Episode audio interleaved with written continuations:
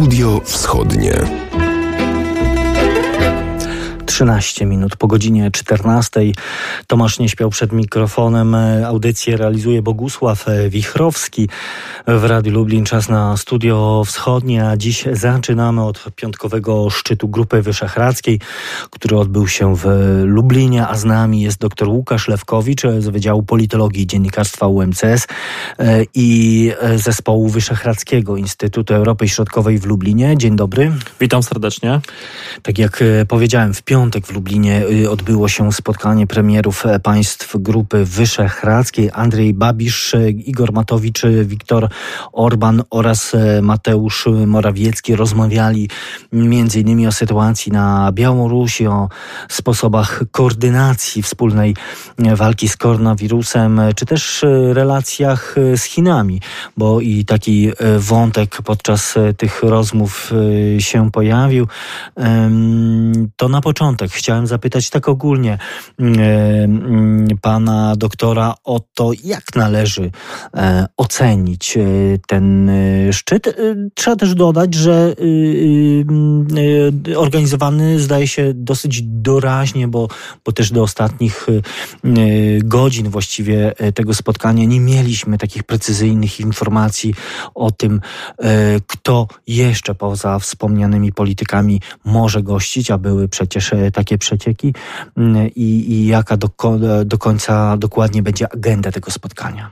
To trzeba oczywiście podkreślić, że od 1 lipca tego roku Polska pełni e, funkcję, prowadzi prezydencję Grupy Wyszehradzkiej. To więc ten szczyt wpisuje się jakby w taką bieżącą agendę spotkań, przede wszystkim międzyrządowych, z udziałem premierów państw Grupy Wyszehradzkiej. I ten konkretnie szczyt w Lublinie miał na celu przygotowanie wspólnego stanowiska przed szczytem Rady Europejskiej, który odbędzie się za około dwa tygodnie. Więc tutaj, jak pan redaktor wspomniał, na agendzie były te najważniejsze obecnie e, sprawy. Mamy takie czasy dosyć turbulentne, to więc rozmawiano przede wszystkim o kwestii kryzysu e, na Białorusi, ale mówiono także o COVID-19, jego skutkach dla ekonomii i społeczeństwa w państwach Grupy Wyszehradzkiej o otruciu Aleksieja Nawalnego i stanowisku Grupy Wyszehradzkiej wobec tego, ale także wspomniano może w mniejszym zakresie o kwestii kryzysu migracyjnego e, w kontekście tego, co się wydarzyło e, w Grecji. Chodziło tam między innymi właśnie o podpalenie obozu dla e, migrantów. Tak, zresztą, zresztą tam też podczas, podczas konferencji prasowej z udziałem premierów padła też taka deklaracja, czy jakby zobowiązanie premierów do tego, zobowiązanie premiera Morawieckiego, żeby E, odbył rozmowę telefoniczną z pre, premierem e, greckim, także, e, także ten wątek także był, był poruszony. Dokładnie, tam chodziło między innymi o przekazanie jakiejś pomocy, pomocy między innymi tak. Polska deklarowała dostarczenie 150 domów modułowych do Grecji. No zatrzymajmy się na chwilę, bo oczywiście to y, też jest w orbicie naszych e, zainteresowań. Od wielu tygodni rozmawiamy o sytuacji na Białorusi. Y, no i na, e, na tymże szczycie, przynajmniej według tych oficjalnych deklaracji, e, panuje konsensus w sprawie podejścia do, do sytuacji na Białorusi. Wszyscy zgadzamy się, że na Białorusi powinny odbyć, powinny odbyć się wolne wybory. Apelujemy o uwolnienie wszystkich więźniów politycznych. Chcemy też dla narodu białoruskiego zaproponować ofertę gospodarczą, mówił e, premier Mateusz Morawiecki. No właśnie, czy rzeczywiście panuje w tej sprawie jedność, bo dwie rzeczy. Po pierwsze, jednak mieliśmy takie doniesienia ze strony czeskiej i czeskich mediów, że premier e, Czech Andrzej Babisz wyrażał no, pewien rodzaj sceptycyzmu e, związany z planowaną też ad hoc jednak obecnością Światłany Cichanowskiej w Lublinie, do którego ostatecznie spotkania nie doszło. Z kolei Viktor Orban, premier Węgier, no dosyć pochlebnie, nie od dzisiaj przecież wypowiadał się w ostatnich miesiącach, także w czerwcu była wizyta o Aleksandrze y, Łukaszence, mm, a w, w tej swojej oficjalnej wypowiedzi podczas szczytu w Lublinie oficjalnie ograniczył się do tego, że y, powiedział, że Węgry wspierają polskie podejście do działania wobec kryzysu na Białorusi. No niewątpliwie ta kwestia kryzysu na Białorusi była tym jednym z najważniejszych tematów, jaki podejmowano na szczycie e, w Lublinie. Natomiast może zacznę od tego, co do czego się zgodzono. E, bo tam przyjęto kilka takich e, deklaracji czy wspólnych stanowisk dotyczących Białorusi. To tak jak pan redaktor wspomniał, państwa Grupy Wyszehradzkiej e, stwierdziły, że powinny odbyć się wolne wybory w możliwym najszybszym terminie. Potępiono stosowanie tortur czy brutalnego traktowania protestujących na Białorusi. Zgłoszono postulat uwolnienia wszystkich więźniów politycznych, a także potrzebę wszczęcia śledztwa wobec tych przedstawicieli państwa białoruskiego, którzy stosowali właśnie różnego rodzaju rodzaju e, represje. Zapalowano oczywiście o dialog pomiędzy e, białoruskim społeczeństwem obywatelskim a władzami. Natomiast e, no, bardzo istotne, tak mi się wydaje z mojego punktu widzenia, było właśnie ten plan gospodarczy zaproponowany dla Białorusinów. Tutaj wspomniano na szczycie innymi o wsparciu dla małych i średnich przedsiębiorstw działających na Białorusi. To ma być także rozwój współpracy energetycznej, a pamiętajmy, że no Białoruś jest w dużym stopniu e, praktycznie całkowicie uzależniona od e, dostaw energii z Rosji. Także wsparcie i współpraca z sektorem informatycznym, e, rozwój infrastruktury. E, czy też bardzo istotne ruch bezwizowy e, dla Białorusinów. Właśnie, tylko czy pytanie, czy to wszystko nie są deklaracje, które y, trochę idą w próżnię o tyle, że y, mówimy o pomocy. Y, no właśnie, tylko pytanie, komu, bo, bo z jednej strony mówimy, y, że y, jest reżim Łukaszenki, y, z drugiej strony chcemy pomagać Białorusinom właśnie w tych aspektach, o których pan, pan wspomniał. Czy, czy to, to nie jest tak, że jest to lista pobożnych życzeń, a no właśnie, a, a, nie, a nie realna, y, konkretna pomoc, y, która ma szansę być skuteczną. No na razie to jest stanowisko państw Grupy Wyszehradzkiej, natomiast jak rozumiem, taki szczegółowy plan zostanie przedstawiony na szczycie Rady Europejskiej i to już cała Unia Europejska będzie e, decydowała o tym, jak e, państwa e, europejskie mają się zachować wobec tego kryzysu, wobec społeczeństwa, wobec reżimu Aleksandra Łukaszenki. Więc oczywiście na razie to są pewne deklaracje. E, zobaczymy, czy uda się je zrealizować. One są realne, natomiast tak jak mówię, ze wsparciem Unii Europejskiej jako całości. No ale tutaj musieliśmy wystąpić jako, jako grupa, żeby po prostu pokazać, że, że mamy tutaj mniej więcej podobne stanowisko. I to nas łączy. I to nas łączy. No właśnie, ale też y, są pewne rzeczy, które y, mimo oficjalnego y, stanowiska, że popieramy stanowisko y, Polski, te, te działania polskiego rządu y, i Polska się w imieniu Grupy Wyszehradzkiej wypowiada i to akceptujemy, to jednak pewne niuanse też widać e, w postrzeganiu sytuacji na Białorusi. No też pamiętajmy, że Polska ma tutaj specyficzną rolę. No po pierwsze teraz e, mamy tą prezydencję, no to my musimy jakby narzucać pewne e, tematy i to już w programie prezydencji kwestia Białorusi, współpracy w ogóle z państwami Partnerstwa Wschodniego się pojawiła. No po drugie Polska jest szczególnie zainteresowana z tego względu, że mamy granicę z Białorusią. Pozostałe kraje Grupy Wyszehradzkiej tego nie mają. My mamy także mniejszość polską żyjącą na Białorusi. No i dla nas też jest ważne, żeby zabezpieczyć interesy tej e, mniejszości. Pozostałe kraje tego e, problemu nie mają, więc my mamy troszeczkę inną perspektywę, tak mówiąc kolokwialnie. E, no z drugiej strony, jasne, no nie, nie we wszystkim się zgadzamy, ale to nie jest nic nowego. Ja już praktycznie w każdej dyskusji, e, nawet w ostatnim czasie na temat Grupy Wyszehradzkiej pokazuję, że my w wielu sprawach się różnimy. Czasami są to różnice zasadnicze, czasami są to jakieś drobne, jakieś pewne niuanse. Tutaj może e, w kwestii zaproszenia e, pani Cichanowskiej i tak dalej, to może jest, nie było może jakieś takie najistotniejsze, natomiast symboliczne. Do końca nie wiemy, nie znamy tej kuchni politycznej, prawda, dlaczego tak się zdarzyło, że jednak ona nie wzięła udziału w tym szczycie.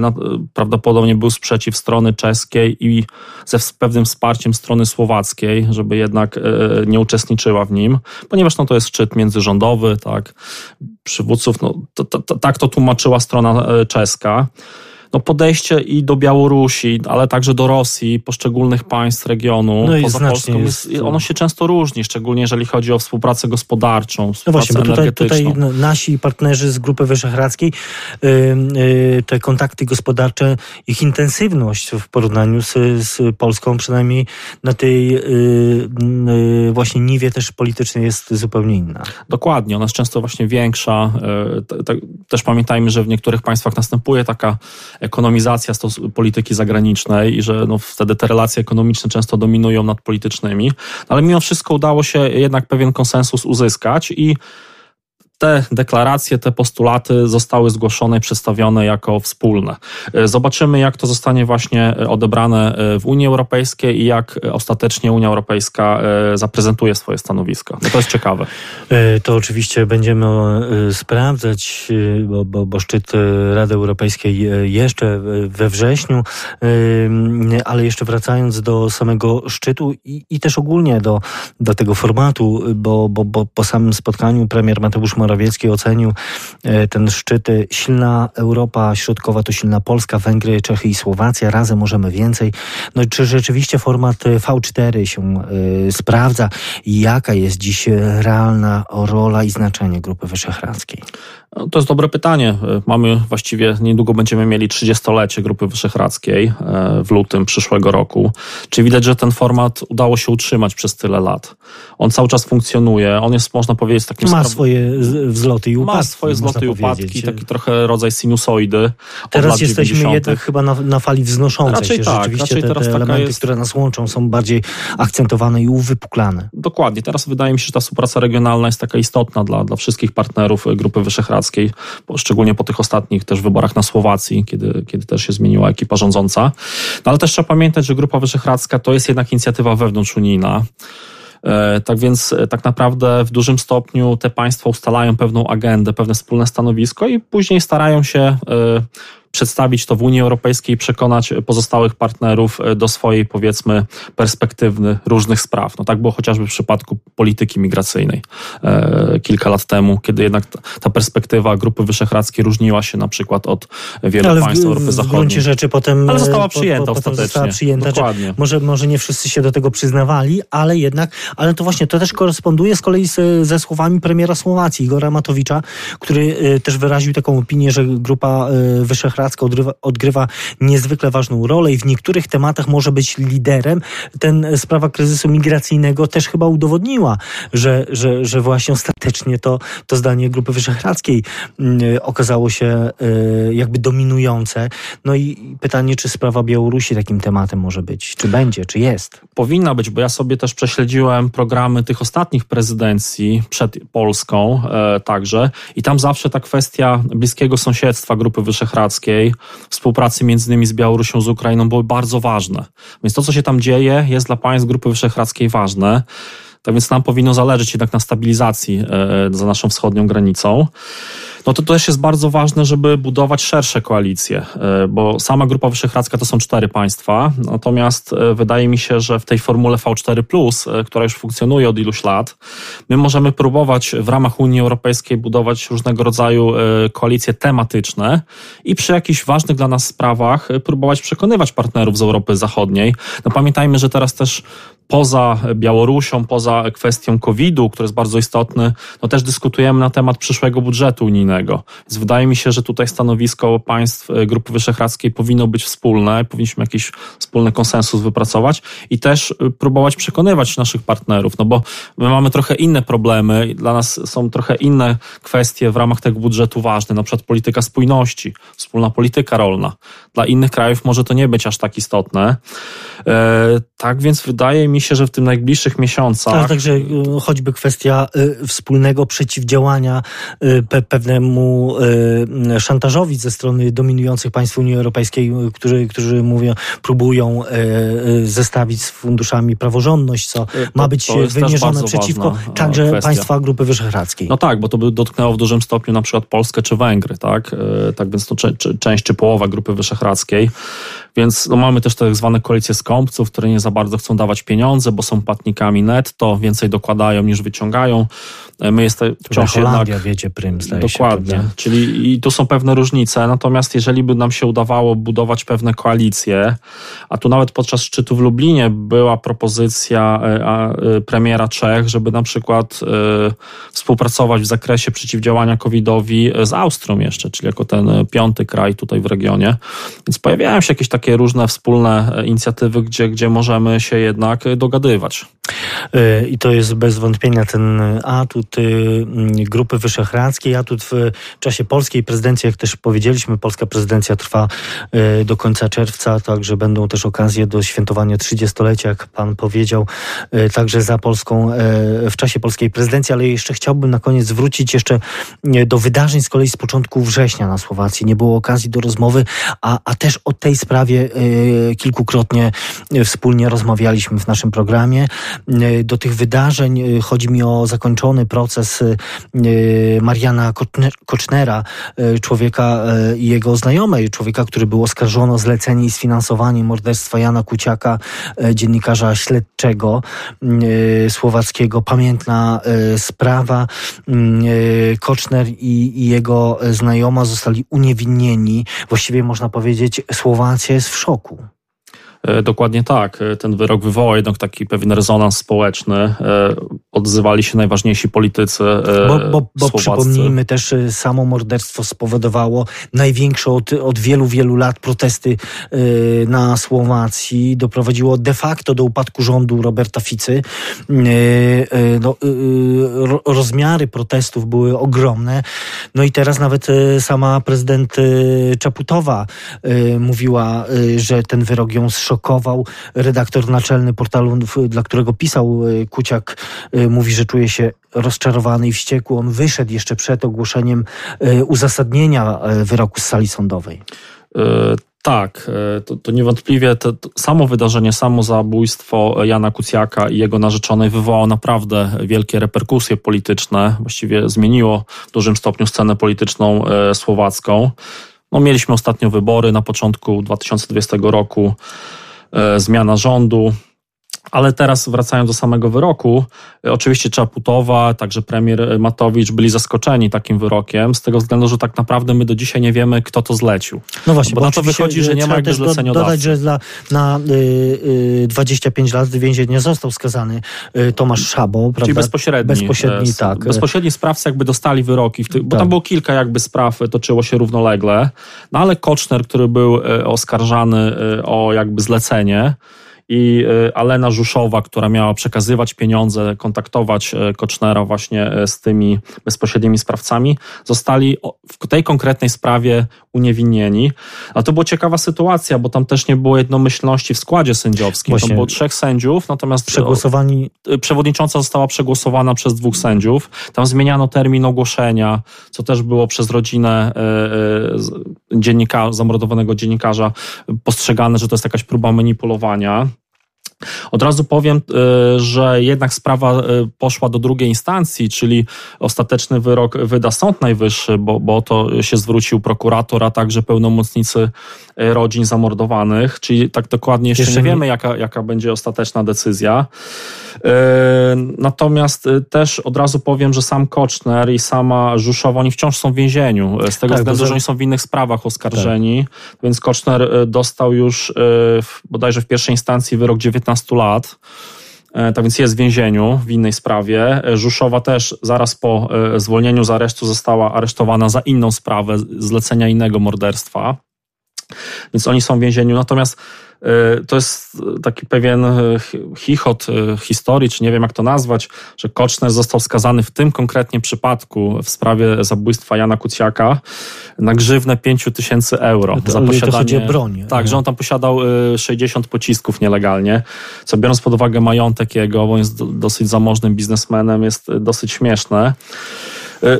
Może taki krótki komentarz, no po prostu zobaczymy. No ktoś zlecił to zabójstwo. E, być może e, poza Kocznerem był, było w to zamieszani jacyś politycy i stąd ta sprawa jest taka bardzo wielowątkowa, skomplikowana i bardzo ciężko udowodnić bezpośrednią winę.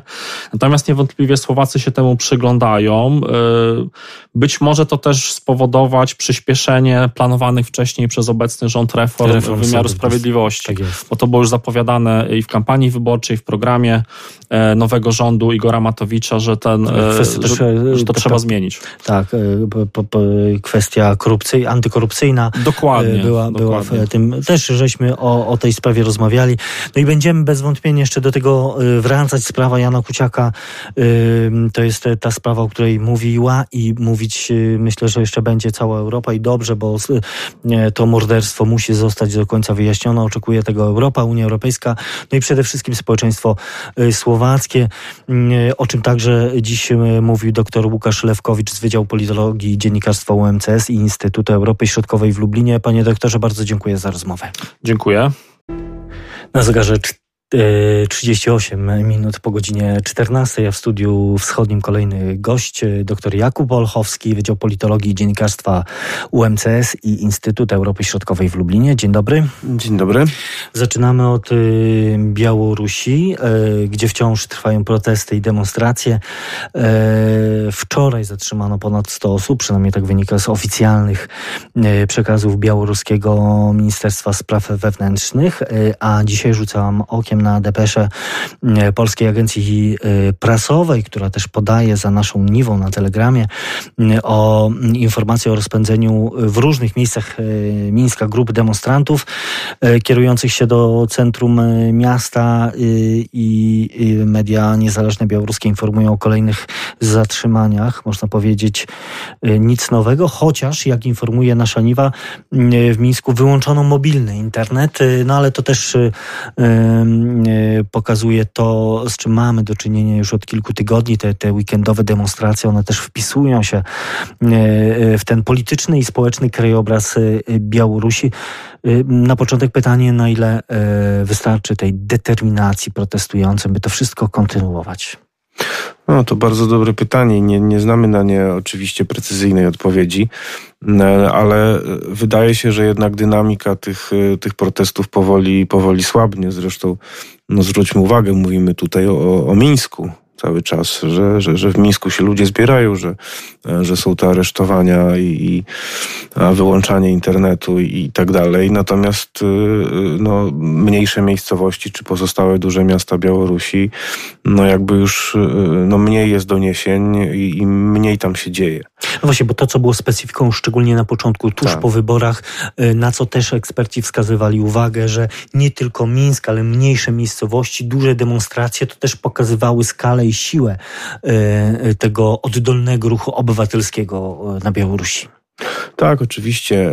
Pamiętajmy, że im dłużej taka sytuacja trwa, no ogólnie taka sytuacja niestabilności w państwie, E, tym więcej, e, tym, tym, tym więcej problemów się pojawia, także takich problemów e, bardzo prozaicznych, no problemów dotyczących życia codziennego. To nie może trwać wiecznie, taka rewolucja, powiedzmy w cudzysłowie. No, no więc można Nie zapominajmy także, że, mhm. że trwa y, pandemia do, do tak. tego y, i to wszystko nie może pozostać bez no, wpływu No właśnie, a gospodarka też Białorusi wcale nie jest y, w, w, w, dobrym stanie, więc tym bardziej y, takie rozprzężenie no, nie pomaga. Więc no, należy się chyba obawiać, że y, no, że te protesty raczej nie będą przybierać na sile. Tak czy owak, one e, przynajmniej e, szczególnie widać e, w czasie weekendów no, na razie nie ustają. Różna jest ich siła oddziaływania, te zatrzymania niestety wciąż są, do nich dochodzi. No ale tymczasem ten mijający już tydzień, można powiedzieć, obfitował w wydarzenia, które spowodowały, że sprawa białoruska mm, no, weszła po raz kolejny na europejskie salony. Ale e, no właśnie, powiedzmy, zacznijmy od tego, że Światłana Cichanowska, czyli e, kandydatka mm, w niedawnych wyborach e, prezydenckich na Białorusi i osoba, która według opozycji białoruskiej wygrała te wybory, mm, była w Polsce. Mm, spotkała się zarówno z premierem Mateuszem Morawieckim, jak i z przedstawicielami opozycji, z liderem Platformy Borysem Budką. Taka ogólna refleksja po tej wizycie, bo ona także była na forum ekonomicznym w tym roku w Karpaczu. No to pewnie dla niej nie jest łatwe, dlatego że no, wszyscy wiemy, że pani Cichanowska wcześniej nie miała mm, styczności właściwie e, żadnej z polityką, a tym bardziej z taką wielką polityką w tym formacie międzynarodowym. Więc nie jest też zaskoczeniem, że właściwie wszystko, co usłyszeliśmy z jej ust w czasie tej wizyty, to znaczy to nie były nowości, to, to, to były rzeczy, które ona, ona konsekwentnie powtarza mm, od, właściwie od początku, od tego momentu, kiedy znalazła się no, nie z własnej woli na Litwie. Więc tutaj, tutaj zaskoczeń raczej, raczej nie było. E, znaczy celem, jeśli mówimy tak bardzo ogólnie, e, znaczy, jeśli chodzi o ogólną refleksję, to oczywiście celem tej wizyty mm, takim długofalowym e, powinno być zwrócenie. Także to jest oczywiście zadanie dla, dla, dla Polski, zwrócenie uwagi pozostałych państw Europy, Unii Europejskiej E, na ten problem, bo oczywiście to, że, to, że tam się coś wydarzyło, no to wszyscy zauważyli. Natomiast e, teraz problem kluczowy jest, e, kiedy o tym zapomną. E, I, i znaczy mówię, mówię o Zachodzie, prawda? Tak, o Europie tak, tak. Zachodniej. No, to jest niestety dosyć brutalne stwierdzenie, ale chyba no, praktyka pokazuje, tak. że, bo przecież e, nie pierwsze to protesty związane z e, fałszystwami wyborczymi na Białorusi na przestrzeni ostatnich no, 20 parę pier, lat. Pierwsze na taką skalę to bez wątpienia, to jest zupełnie inna, o tym już też wielokrotnie było, to, ten, to, to było podnoszone już, że to jest zupełnie inna jakość i to jest też element takiego procesu bardzo wyraźny element procesu narodotwórczego i, i takiego kształtowania się e, tożsamości narodowej w sensie narodu politycznego wśród Białorusinów, na, na Białorusi ogólnie. Ale niestety jest ten problem i, i to, spot, to spotkanie, ten szczyt Grupy Wyszehradzkiej, o którym tutaj wcześniej była mowa przed chwilą. W Lublinie, tak, w. On, on też pokazał, że to wcale nie jest takie, to wcale nie jest takie łatwe, bo okazuje się, że nawet e, w takiej e, no, wąskiej grupie państw środkowoeuropejskich, czyli no, takich dość e, państw bliskich geograficznie Białorusi, że nawet w takiej, w takiej wąskiej grupie nie ma, mm, nie ma jednomyślności. No właśnie, to jest też bardzo ciekawe, ciekawa sytuacja, bo oczywiście oficjalnie z tych deklaracji, które także padły podczas piątkowego szczytu V4 w Lublinie, no wynika, że wszystkie wszystkie kraje popierają stanowisko i działania Polski, polskiego rządu e, w, w sprawie sytuacji na Białorusi. No ale też y, y, widzieliśmy y, wszyscy i czytaliśmy reakcję, no można powiedzieć, nieco alergiczną premiera Czech, czy no, niejednoznaczną postawę premiera Węgier Viktora Orbana, który no przecież w czerwcu spotykał się z Łukaszenką. Wtedy tak. Łukaszenko nazywał go najbliższym sojusznikiem w Unii Europejskiej tak. Mm, biznesy ich łączą, także relacje z Rosją ich łączą. No nie jest no. to taka oczywista. E, e, no właśnie tutaj jest problem i, i, tu się oczywiście, mm, tu się oczywiście pojawia e, e, to samo, ta sama kwestia, którą przecież doskonale znamy, czyli ten argument, że nie należy, nie należy drażnić Rosji. Co swoją drogą oznacza, że no i Rosja to też bardzo mocno manifestuje i, i pokazuje że właściwie wszyscy się zgadzają w, w Europie. Znaczy może nie wszyscy, ale jednak znaczna, wie, wiele państw, wiele państw jakby niejako mm, domyślnie uznaje, że no tak, tak, Białoruś jest, jest pod kuratelą Rosji, jest w strefie, leży w strefie wpływów Rosji, położenia geopolitycznego przecież e, nie zmieni, więc no, no nie da się wyrwać Białorusi e, z, z objęć My wam Rosji. Współczujemy, więc... ale widzimy tak, jak... Tak, ale jest jak jest. Nie zmienimy waszego położenia. Tak, ale życie jest życie i no cóż, cóż możecie zrobić?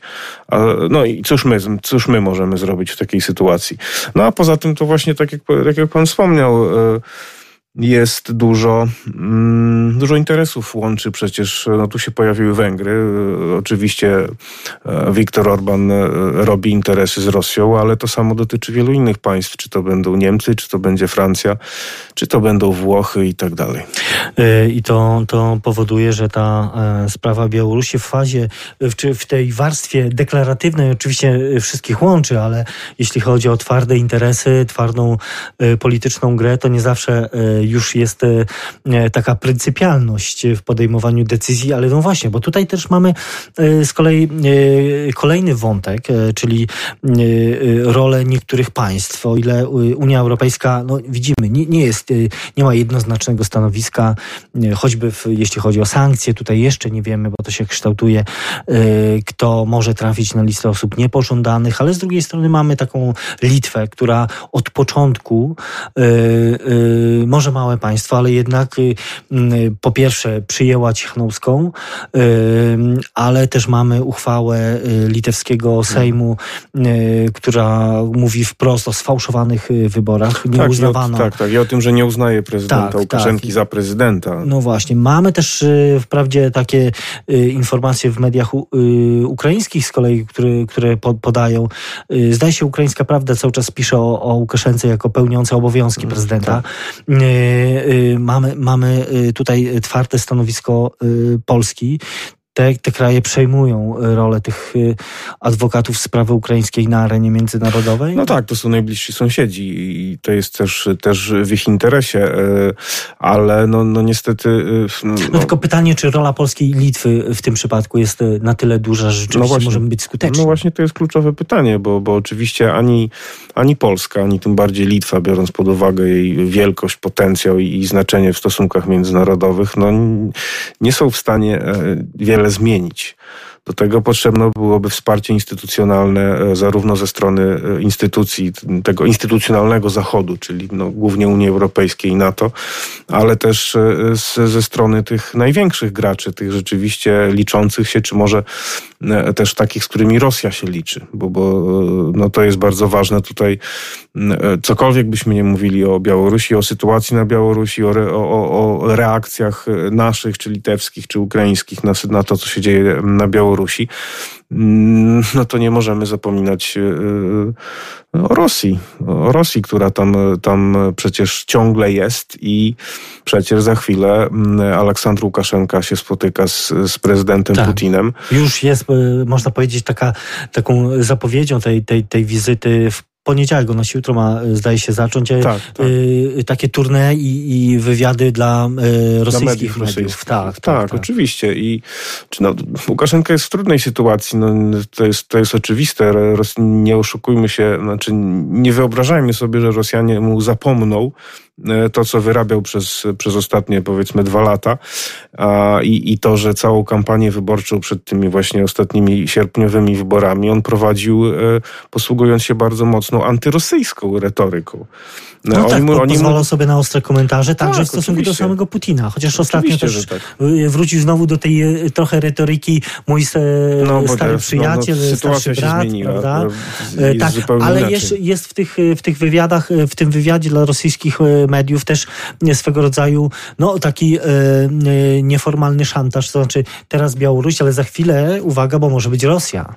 Tak, oczywiście, to, to, to, jest, to jest kierowane do Rosji, chociaż wydaje mi się, że e, Rosjanie specjalnie na to nie zwracają uwagi, bo no, oni już mają plan. Przypuszczam, tak można przypuszczać, bo przypomnijmy, że niedawno 3 września bodajże premier Rosji, Michał Miszustin, odwiedził Białoruś, a nie przyjechał sam, tylko przyjechał w, w duże, z dużą świtą wicepremierów i ministrów. E, więc nie była to kurtuazyjna e, wizyta, tylko robocza. No, omawiali zapewne konkrety. A, a, a, a takie konkrety omawiali, które będą Białoruś pewnie trochę kosztować, bo zapewne omawiali kwestie, e, które nie szły wcześniej, czyli kwestie, kwestie związane z tą tak zwaną integracją Białorusi z Rosją. No, Prawdopodobnie e, ta integracja będzie wyglądała e, tak, że zostanie przeprowadzona na warunkach rosyjskich, bo Łukaszenka nie ma wyjścia i, i musi się na to zgodzić. I będzie to oznaczało no,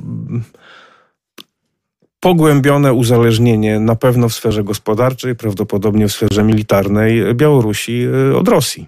Y, co też myślę, że ciekawe i nie zawsze przebija się do świadomości opinii publicznej. Mm, y, te relacje z Rosją to akurat nie są, jeśli chodzi o wewnętrzną sytuację Białorusi, to nie są te rzeczy, które specjalnie białoruskie społeczeństwo i białoruskich polityków różnią. Mówię tutaj o politykach zarówno obozu władzy, jak i opozycji. Właściwie w tych wyborach nie mieliśmy jawnie antyrosyjskiego kandydata, czy osobę, która chciałaby, czy, czy, czy, czy jawnie chciałaby kandydować, ale na przykład nie została dopuszczona. Oczywiście, że tak. To, to... Bo my w Europie i także bardzo często zestawiamy opozycję z pewną postawą antyrosyjską. To tak, nie, tak, niejako z automatu, ale to znowu zapominamy, że Białoruś to nie Ukraina. I, i o, rzeczywiście kiedyś, powiedzmy 10 lat temu, kiedy była ta opozycja e, taka antyłukaszenkowska, ona była też antyrosyjska, ale ona jest dzisiaj, ona praktycznie nie istnieje, ona jest całkowicie zmarginalizowana. I rzeczywiście e, w, w tych wyborach ostatnich, czy przed tymi wyborami e, pojawili się e, kandydaci, tudzież kandydaci na kandydatów, e, e, którzy, oni nie byli anty, antysystemowi, oni nie byli antyrosyjscy, oni, oni w, niektórzy, jak Babaryko czy Cepkała, oni się wywodzili wręcz z establishmentu, z elit rządzących y, Białorusi. Oni byli po prostu, byli są antyłukaszenkowscy, a, a, a generalnie ani elity białoruskie, ani społeczeństwo białoruskie nie jest antyrosyjskie. I, I to jest uzasadnione y, kwestiami historycznymi, kulturowymi, też gospodarczymi. I tak tam właściwie ta granica Przecież tam nie istniała ta granica, nie było granicy. No, y, także biorąc pod uwagę, że przecież Białoruś i Rosja funkcjonują w ramach państwa związkowego. I myślę, że także Europa musi zrozumieć i o tym pamiętać, bo, bo, bo to rzeczywiście tak, y, tak, tak. to jest jeden z tych elementów, o których y, czasem... Rozgrywanie takiej karty antyrosyjskiej to, to, to jest ślepa uliczka, dlatego że społeczeństwo białoruskie nigdy nie było antyrosyjskie i nie widzi, nie widzi powodu, dla którego miałoby być antyrosyjskie. E, no ale też chodzi o to, żeby nie było antyzachodnie. E, no właśnie a propos tego, tego zachodu i, i a propos e, tego szczytu piątkowego w Lublinie Grupy Wyszehradzkiej, bo pojawiły się tam wyraźne akcenty, ten, ten temat Białorusi był jednym z tych tematów przewodnich. Pojawił się pewien, pewien zarys tej propozycji, którą Polska ma przedstawić na Radzie Europejskiej, właśnie wypracowanej wewnątrz Grupy Wyszehradzkiej, plan współpracy gospodarczej dla, z Białorusią, dla Białorusi, pewnej pomocy. Mówi, e, mówiono o, o ruchu, wprowadzeniu ruchu bezwizowego. E, to wszystko ma się, ma, ma być pewną propozycją. No pytanie na ile... Dla kogo? No właśnie, dla kogo? Dla kogo to ma być propozycja, bo, bo gdyby rzeczywiście e, na Białorusi, co jest bardzo mało prawdopodobne, e, powtórzono wybory i gdyby te wybory, e, załóżmy, wygrała Swietłana Cichanowska i gdyby ona, tak jak zapowiada, przekazała władzę komuś innemu, kto, kto jest bardziej do tego predystynowany, to może wtedy tak, e, ale to jest bardzo mało prawdopodobny scenariusz. No i o tych scenariuszach e, e, dla Białorusi i relacjach Białorusi z Unią Europejską będziemy oczywiście jeszcze rozmawiać. Tymczasem bardzo dziękuję za dzisiejsze spotkanie. Dr Jakub Bolchowski, Wydział Politologii i Dziennikarstwa UMCS i Instytut Europy Środkowej w Lublinie. Bardzo dziękuję. Dziękuję. A w naszym programie to wszystko na dzisiaj. Za uwagę dziękuję Tomasz Nieśpiał i Bogusław Wichrowski. Studio Wschodnie wraca na antenę Radia Lublin za tydzień tydzień. Do usłyszenia w następną niedzielę po godzinie 14.